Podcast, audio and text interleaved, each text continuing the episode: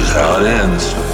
And he's crying, going to the bathroom all over himself, swearing to God he's gonna leave her alone, screaming like a dog waiting for dinner.